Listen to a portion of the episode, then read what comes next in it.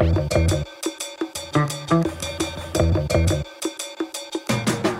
Welkom in de eerste aflevering van 2023. Het is 12 januari, dat is veel te laat om mensen nog een gelukkig nieuwjaar te wensen. It's a little late, frankly, for the Happy New Year, you know? Maar ik wil wel zeggen dat ik heel blij ben dat u ook dit jaar opnieuw luistert naar Duidelijk, waarin we opnieuw elke donderdag wat duidelijkheid zullen proberen te brengen bij de actualiteit.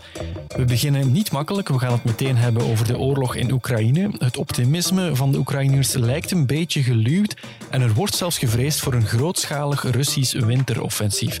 Het ziet er naar uit dat de oorlog zich opnieuw op een belangrijk keerpunt bevindt. Wordt 2023 het jaar waarin aan dit conflict een einde kan komen, of is dat einde nog lang niet in zicht? We vragen het aan de journalist Tommy Thijs en professor David Kriekemans. Mijn naam is Dries Vermeulen, dit is Duidelijk. Duidelijk, de morgen.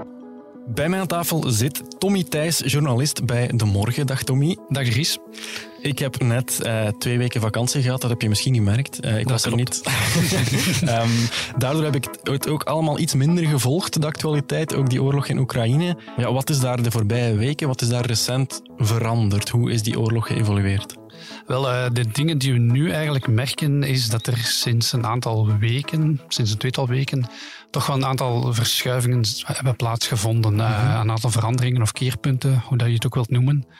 Ehm, zowel op het front, maar ook achter het front en dan misschien ook meer op het zeg maar, militair-politieke internationale toneel. Oké, leg het ons eens uit. Wat, wat is er dan precies veranderd? Ehm, als we misschien eerst kijken naar eh, wat er gebeurd is op het front. ehm, je hebt daar in begin november het offensief gehad van eh, Oekraïne om Gerson te bevrijden, of tenminste het eh, westelijke deel daarvan. Ehm, en sindsdien lag het front eigenlijk een beetje stil qua verschuivingen. Er is eigenlijk niet zo heel veel meer gebeurd, of niet, wel veel gebeurd, maar niet meer zo heel veel verschoven. Ehm, Rusland had zich teruggetrokken achter de Dnieper. Die zaten op de oostoever eh, in Gerson. Dat was een, natuurlijke, een goede natuurlijke barrière. En ja, je had dan ook in november het regenseizoen in Oekraïne. Heel veel modder. Dus het was voor beide partijen, zowel Oekraïne als Rusland, wel heel moeilijk om nog echt ja, grote offensieven op te zetten, zeg maar, met, met veel eenheden, veel gemechaniseerde eenheden, veel voertuigen. Gewoon omdat de omstandigheden daar zo moeilijk waren. Ja, want eigenlijk er is een hele periode geweest dat het er militair althans redelijk rooskleurig uitzag voor de Oekraïners. Het ging eigenlijk best goed. Ze leken de Russen te kunnen terugdringen, Ja. daar, eh, daar in het oosten en het noordoosten ook. Ehm, die winning streak, zeg maar, die is dan nu een beetje voorbij. Die is eh, met Gerson eigenlijk een beetje stilgevallen, ja, klopt. Ja. Ze hebben wel twee maanden lang geprobeerd, in het noordoosten bijvoorbeeld, in Luhansk, voeren ze al twee maanden lang de druk op eh, om eh, bijvoorbeeld bij Kremina en Svatove, om daar op de Noord-Zuid eh, frontlinie, zeg maar, ehm, de Russen terug te dringen. Dat lukt ook niet echt heel goed. Rusland kan er ook geen vooruitgang boeken, maar Oekraïne evenmin, dus dat is daar wat stilgevallen. Ehm, wat je nu wel ziet is stad Bakhmut in de provincie Donetsk. Ja, daar draait alles rond nu Ja, blijkbaar. ja, Er wordt al, al maanden eigenlijk hevig gevochten. En waarom is die plek zo belangrijk? Dat is eigenlijk een hele goede vraag. En dat vragen heel veel mensen zich af. Ook de militaire analisten weten niet zo goed waarom dat Rusland zich daar zo op concentreert. Strategisch is Bakhmut niet zo heel belangrijk. Moest Rusland die stad innemen, dan trekt Oekraïne zich gewoon enkele kilometers terug. En dan zijn er nieuwe frontlinies, nieuwe verdedigingslinies, die heel goed zijn uitgebouwd. Het is ook strategisch geen echt belangrijke stad. Er lopen wel een aantal belangrijke wegen door. Maar het is niet dat er een hele provincie vrijkomt, zeg maar, moest Bakhmut eh, in Russische handen vallen of zo. Dus het lijkt er een beetje op dat Rusland en vooral het huurlingenleger van, eh, van de Wagnergroep eh, met Bakhmut een beetje wil tonen van, kijk, we kunnen toch nog winnen. Ja, het is meer symbolisch dan. ja, ja, eigenlijk wel. Om ook ja, voor het thuisfront, het Russische thuisfront, ook nog een succes te kunnen verkopen. Eh, maar strategisch valt er eigenlijk niet zo heel veel mee te winnen. Nu, ze zijn er ook al maandenlang aan het vechten van augustus vorig jaar. Dus het zou een beetje, een beetje gek zijn om zich nu ook terug te trekken uit die stad. Dus moeten eigenlijk wel doorzetten. Ze hebben zich daar zichzelf een beetje vastgereden daar. Ehm, dus ja, ze moeten wel doordoen om die stad in handen te krijgen. Ja. Eh, Je had het net al over dat modderseizoen in Oekraïne. Dat werd al lang gezegd. Hè. De- dat modderseizoen komt eraan en dan Mhm. valt alles eigenlijk stil. Want dan, ja, tanks, panzerwagens, dat kan er allemaal niet meer door. Dat seizoen is nu voorbij. Het wordt nu echt winter. Het gaat heel hard Ja. vriezen in het oosten van Oekraïne. Wil dat dan zeggen dat die oorlog nu weer op gang komt?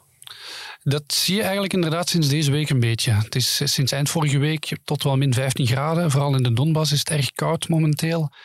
Um, en je ziet dat Rusland nu toch wel dan weer opnieuw in Bachmoed nu wel een beetje vooruitgang begint te boeken. Uh, ze, hebben, ze, staan nu op de rand om een klein stadje ten noorden van Bachmoed, Solidar, uh, in handen te nemen. En het lijkt erop dat de winterweer en de, de, ondergrond die bevroren is, de Russen daar wel een beetje bij helpt. Dat ze terug uh, vooruitgang kunnen boeken, ja. Mm -hmm. Ja, ik las ook dat um, het energienetwerk in Oekraïne um, voortdurend wordt stilgelegd door die Russische drones die ja. van alles bombarderen. Ik kan me voorstellen, ja, als het min 15 is, dat dat wel eens uh, ja, een, een, belangrijke doodsteek zou kunnen worden voor de Oekraïners als ze geen energie meer hebben. Ja, dat is een tactiek die Rusland ook al sinds oktober vorig jaar toepast. Om ongeveer elke week opnieuw drone- en raketaanvallen op de Oekraïnse steden te lanceren. Uh, ze zijn daar voorlopig nog niet mee gestopt. En, en die tactiek is inderdaad om de winter, de koude in te zetten als wapen. Uh, militair heeft dat niet zoveel nut. Het is vooral uh, opnieuw weer poging om de moraal van Oekraïne te breken. Oekraïne zegt dat ook zelf uh, van ja, onze soldaten vechten aan het front, terwijl in hun thuissteden hun vrouwen en kinderen bijna bevriezen door de koude en, en het feit dat de, de verwarming en de elektriciteit de hele tijd uitvalt. Dus Rusland heeft er echt de bedoeling om die moraal te breken, maar het lijkt er toch op dat de moraal van de Oekraïners er alleen maar groter door wordt.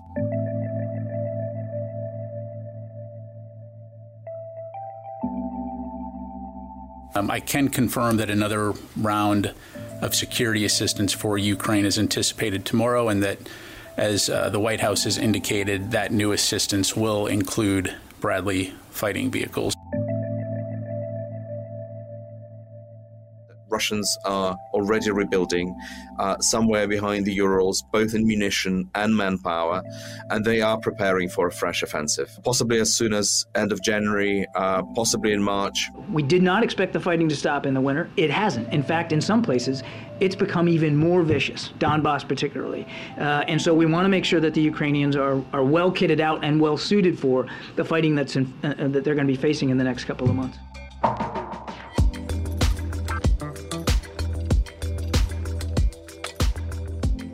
Dat modderseizoen heeft dus die oorlog in Oekraïne tijdelijk vertraagd, wat stilgelegd. Maar nu de vrieskou erdoor komt, komt alles opnieuw op gang. Oekraïne vreest zelfs dat er een heel groot Russisch winteroffensief zal komen. Dat Rusland ja. een grote nieuwe aanval plant in januari of februari. Ja. De Oekraïnse inlichtingendiensten menen ook te weten dat de Russen een nieuwe mobilisatie zullen opzetten. In september was er al die mobilisatie van 300.000 uh, reservisten. Nu zouden het er nog meer worden, 500.000 nieuwe soldaten voor dat Russische leger. Klopt dat ook? Weten we dat dat effectief zal gebeuren? Uh, helemaal zeker weten we dat op dit moment nog niet. De Oekraïners zeggen dat al een aantal weken, zijn ervan overtuigd dat Poetin uh, nog deze maand, januari, een nieuwe mobilisatie zal afkondigen. Het Kremlin ontkent dat in alle toonaarden, maar dat hebben ze vorige keer ook gedaan tot de dag op voorhand, dat dat niet zou gebeuren. Uh, en het is uiteindelijk wel gebeurd. Nu, het lijkt er wel op dat het er zit aan te komen. Uh, ik denk ook dat Rusland niet veel andere opties heeft dan een nieuwe mobilisatie af te kondigen. Mm -hmm. uh, Poetin zei midden december wel nog van ja, we hebben nog maar 150.000 van 300.000 gerecruiteerden naar het front gestuurd. Dus het heeft nu geen zin om een nieuwe, een nieuwe offensief, uh, een nieuwe mobilisatie aan te kondigen.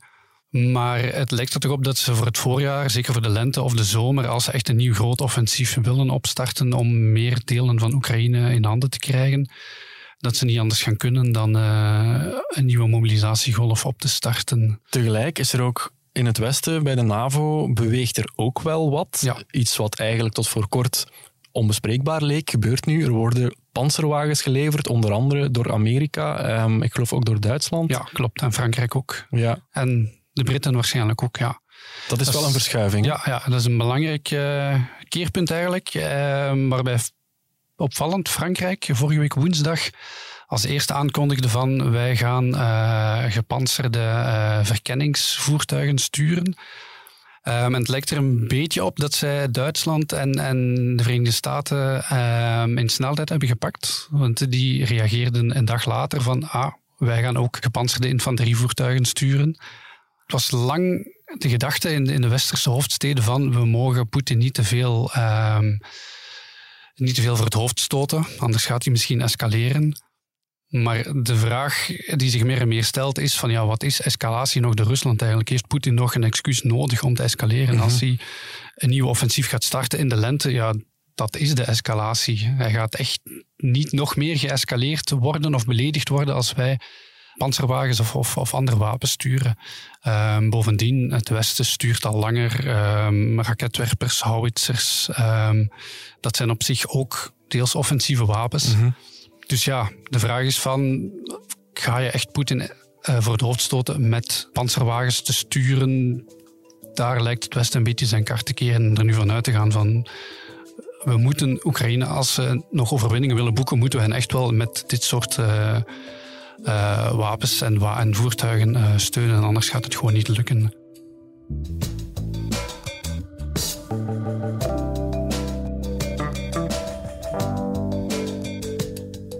Западные элиты годами лицемерно заверяли... For years, the Western elites have hypocritically assured us of all their peaceful intentions, including the resolution of the difficult conflict in Donbass. The West lied about peace, but was preparing for aggression. And today they're not ashamed to admit it openly. And they cynically use Ukraine and its people to weaken and divide Russia. We have never allowed anyone to do that. We will not allow anyone to do that. Het Westen heeft zich altijd opgemaakt voor agressie tegen ons en is nu ook niet meer beschaamd om dat openlijk toe te geven. In een opvallende nieuwjaarsspeech sprak Vladimir Poetin bijzonder agressieve taal tegenover het hele Westen. Hij leek met die speech de Russische bevolking voor te bereiden op een oorlog die nog wel eens lang zou kunnen voortduren en nog heel wat zou vragen van het Russische volk. De informatie van de Oekraïnse inlichtingendiensten dat er een nieuwe mobilisatie op de planning staat, lijkt dan ook niet zo ver gezocht. En ook berichten van Russische zijde doen vermoeden dat alles in gereedheid wordt gebracht voor een groot offensief, zegt ook David Kriekemans, professor internationale politiek aan de Universiteit Antwerpen. Er druppelt toch wel wat door dat als je dat allemaal samenlegt, dat je toch moet, moet tot de conclusie komen uh, dat we effectief in een stilte voor de storm scenario zitten. En dat Poetin misschien wel bereid is om veel meer mensenlevens in dit verhaal in te zetten. En dan komen natuurlijk de krachtsverhoudingen tussen Oekraïne en Rusland uiteindelijk uh, toch weer terug op tafel. Die zijn demografisch anders. En die verklaren ook waarom dat natuurlijk uh, Zelensky heel, heel, zwaar aan het lobby is bij de westerse landen om uh, gepantserde voertuigen te krijgen. Ja. De, Bradleys, hè, die worden door de Verenigde Staten naar Oekraïne gestuurd. Die kunnen troepen beschermen, maar die kunnen ook tanks uitschakelen. We zitten op dit moment nog niet op het niveau dat echt de zware tanks naar Oekraïne gezonden worden. Maar uh, je voelt heel duidelijk dat er uh, slechts een beperkte window of opportunity is mm -hmm. om Oekraïne dat zware materiaal te leveren. Want anders uh, zouden die krachtsverhoudingen in dat zeer vroege lenteoffensief wel eens heel anders kunnen gaan liggen. Onlangs bracht Poetin een redelijk uitzonderlijk bezoek aan Wit-Rusland, aan president Lukashenko. Er is mogelijk een troepenverzameling bezig daar aan de Wit-Russische grens met Oekraïne. Wordt daar een nieuwe mars op Kiev voorbereid? Dat kan. Maar ik beluisterde een aantal, een aantal collega's uit het buitenland en die zeiden ook: het is even goed mogelijk dat dit een vorm is van misleiding. Wij weten het niet. Ik denk tussen de lijnen doorgelezen dat Lukashenko ook niet zo geweldig blij is. Ja, want die man, ja, zijn land bestaat eigenlijk niet meer de grenzen tussen Wit-Rusland en Rusland zijn steeds vager. Dus hij is ook maar een pion. Maar dat kan. Als je het op de kaart bekijkt, ja, dan zou het natuurlijk logisch zijn dat er een, een nieuwe poging zou zijn. Want Kiev is erg noordelijk gelegen. Ja. Hè? En er zit daar nog ergens een, eh, de, de zone van uh, Tsjernobyl zit daar ook nog uh, ten noorden uh, van, van Kiev. Maar dat zou, dat zou kunnen. En in die zin zou je kunnen zeggen, die aanvallen die Rusland nu gedaan heeft op de energieinfrastructuur en op de kritische infrastructuur, elektriciteitscentrales enzovoorts, die moeten niet alleen een ontmoediging creëren bij de Oekraïnse bevolking, die lijken ook als het ware een soort van voorbereidende fase te zijn. Op dat bepaald moment, het is nog altijd winter, ja, Zelensky heeft gezegd, ja, als dat hier nog langer gaat duren en wij niet in staat zijn om daarop te reageren of te herstellen, hè, uh, dat elektriciteitsnetwerk te herstellen, dan gaan we Kiev moeten ja, ontruimen. Mhm. Sowieso denk ik dat uh, Rusland een, uh, een nieuwe poging zal ondernemen. Als de NAVO, de VS, die zwaardere voertuigen gaan, gaan uitlenen, met de bedoeling, ja, ze zeggen het duidelijk, dat is de enige manier om Oekraïne te helpen die oorlog te winnen. Ja, dan, dan is dat blijkbaar ook nog het enige scenario dat het Westen voor ogen heeft. Oekraïne helpen te winnen. En over praten met Poetin wordt eigenlijk niet meer gesproken.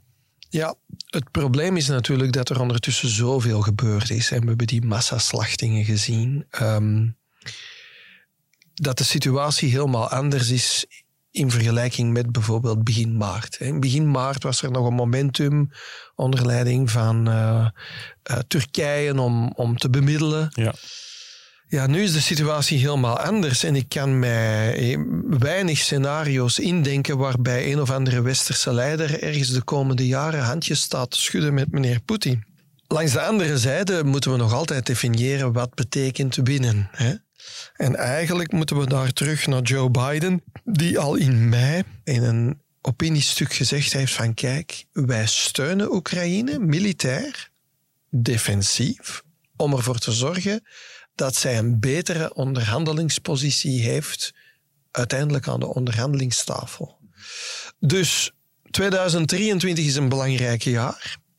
Als dit nog langer gaat duren, en langer bedoel ik dan ongeveer een acht à negental maanden, dan komen we vrij snel in de primaries terecht. Uh, dus uh, de voorverkiezingen in de Republikeinse en de Democratische uh, partij. -hmm.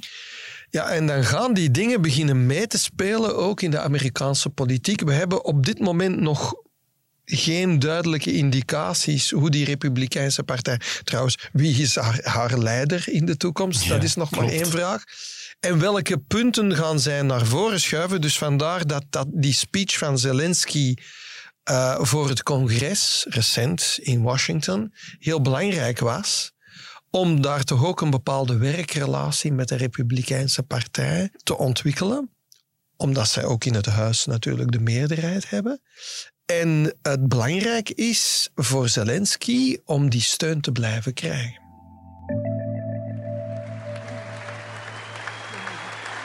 Members of Congress, I have the high privilege and the distinct honor of presenting to you His Excellency Volodymyr Zelensky, President of the Ukraine.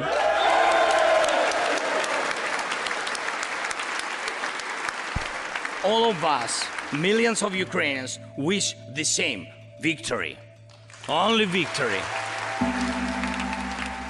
Professor Kriekemans, aan de ene kant hebben we nu het Westen dat plots zwaarder materieel gaat leveren aan Oekraïne. Aan de andere kant hebben we Poetin die misschien een nieuwe mobilisatie, in elk geval een offensief aan het voorbereiden is. Staan we hier aan de vooravond van wat wel eens de ultieme confrontatie zou kunnen worden in dit conflict? Goh, het kan nog ultiemer hoor, maar um, het is denk ik wel een volgende fase in het conflict. Ja. Waar we nu op de drempel van staan, die dus het momentum of de window of opportunity is, is blijkt niet mogelijk te zijn. Hè? Om, om tot een niet-militaire oplossing te komen, omdat beide partijen nog altijd geloven dat die militaire oplossing mogelijk is, ja, dan wordt het een uitputtingsslag. En ik denk dat dat is wat we, wat we gaan zien. Uh, waar die getalsterkte, ik denk dat wij langs de westerse zijde vooral op het kwalitatieve element werken. Hè? Ja. Dus het materiaal dat gestuurd wordt is kwalitatief veel beter. Maar Rusland werkt op het getal. Hè? Dus die, en er is een bereidheid om honderdduizenden in te zetten en die honderdduizenden zelfs te verliezen. Hè? Dus, en zolang dat er niks verandert in de relatie tussen Poetin en het Poetin-regime, want dat Poetin-regime, zijn 200, 300 mannen vooral, hè, die eigenlijk de leiding hebben in de veiligheidssector en in de economische sector, die het land bij elkaar houden. Hè. als dat sociaal contract met de rest van de Russische bevolking min of meer in stand blijft, uh, en er is wel wat opstand, maar dat is heel marginaal, denk ik. Ik denk dat we dat vanuit het Westen altijd te veel uitvergroten. Zolang dat blijft, ja, dan denk ik dat uh, Moskou vooral de factor tijd zal willen gebruiken en zal hopen dat uiteindelijk langs westerse zijde ja, dat we ja, na een tijd ongeduldig beginnen te worden of dat onze eigen publieke opinie uh, zou beginnen uh, uh, erg veel kritiek uiten. En dat dus het draagvlak voor de steun aan Oekraïne eh, zou afbrokkelen. We staan nu aan het begin van 2023, het tweede kalenderjaar van die oorlog. Denkt u dat dit conflict kan eindigen in 2023 of is dat te optimistisch? Niemand die het weet. Dat kan.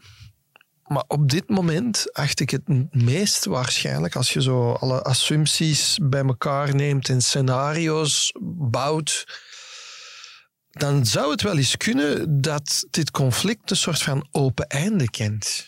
Dus er wordt vaak over die onderhandelingstafel gesproken, maar we hebben daar straks vastgesteld dat het heel moeilijk zal zijn om uh, terug opnieuw aan de lange tafel met Poetin ja. uh, te gaan zitten. Dus dan krijg je een soort van open conflictzone, een soort van nieuwe Donetsk, Lugansk en de Krim, zoals daarvoor, misschien met een andere contactlijn, waarbij dat Rusland, zowel Poetin of zelfs eventueel zijn opvolger, nog altijd um, een destabiliserende factor kan zijn in Oekraïne, zodanig dat Oekraïne geen lid kan worden van de NAVO. En laten we zeggen, de, de fallback-strategie van Rusland. Stel nu die, de, de krijgsverrichtingen die nemen af. Dan nog heb je een zeer instabiele situatie die eigenlijk in het voordeel is van Rusland. Dus eindigen. Goh, de Koreaanse oorlog is uh, officieel ook nog altijd uh, bezig. En dat was 1950, ja. 1953. Dus om maar aan te geven uh, dat dit voor, voor mij meer een systeemcrisis is die veel groter is. Zeg niet enkel oorlog in Oekraïne. Zeg individuele actoren, en in dit geval Rusland, die blijkbaar menen dat ze via de militaire weg een soort van grote crisis kunnen ontwikkelen om een nieuw Rusland uit haar as te laten verrijzen, een groter Rusland dat nog relevant is in de wereldpolitiek in de toekomst. Professor David Kriekemans, dank je wel voor uw tijd. Graag gedaan.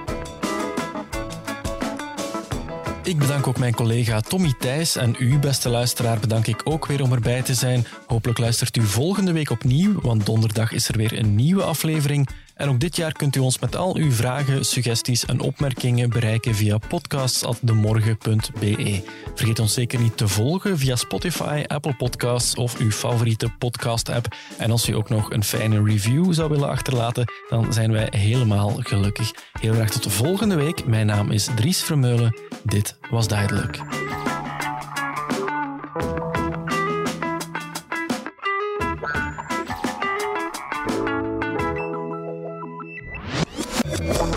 Duidelijk, de morgen.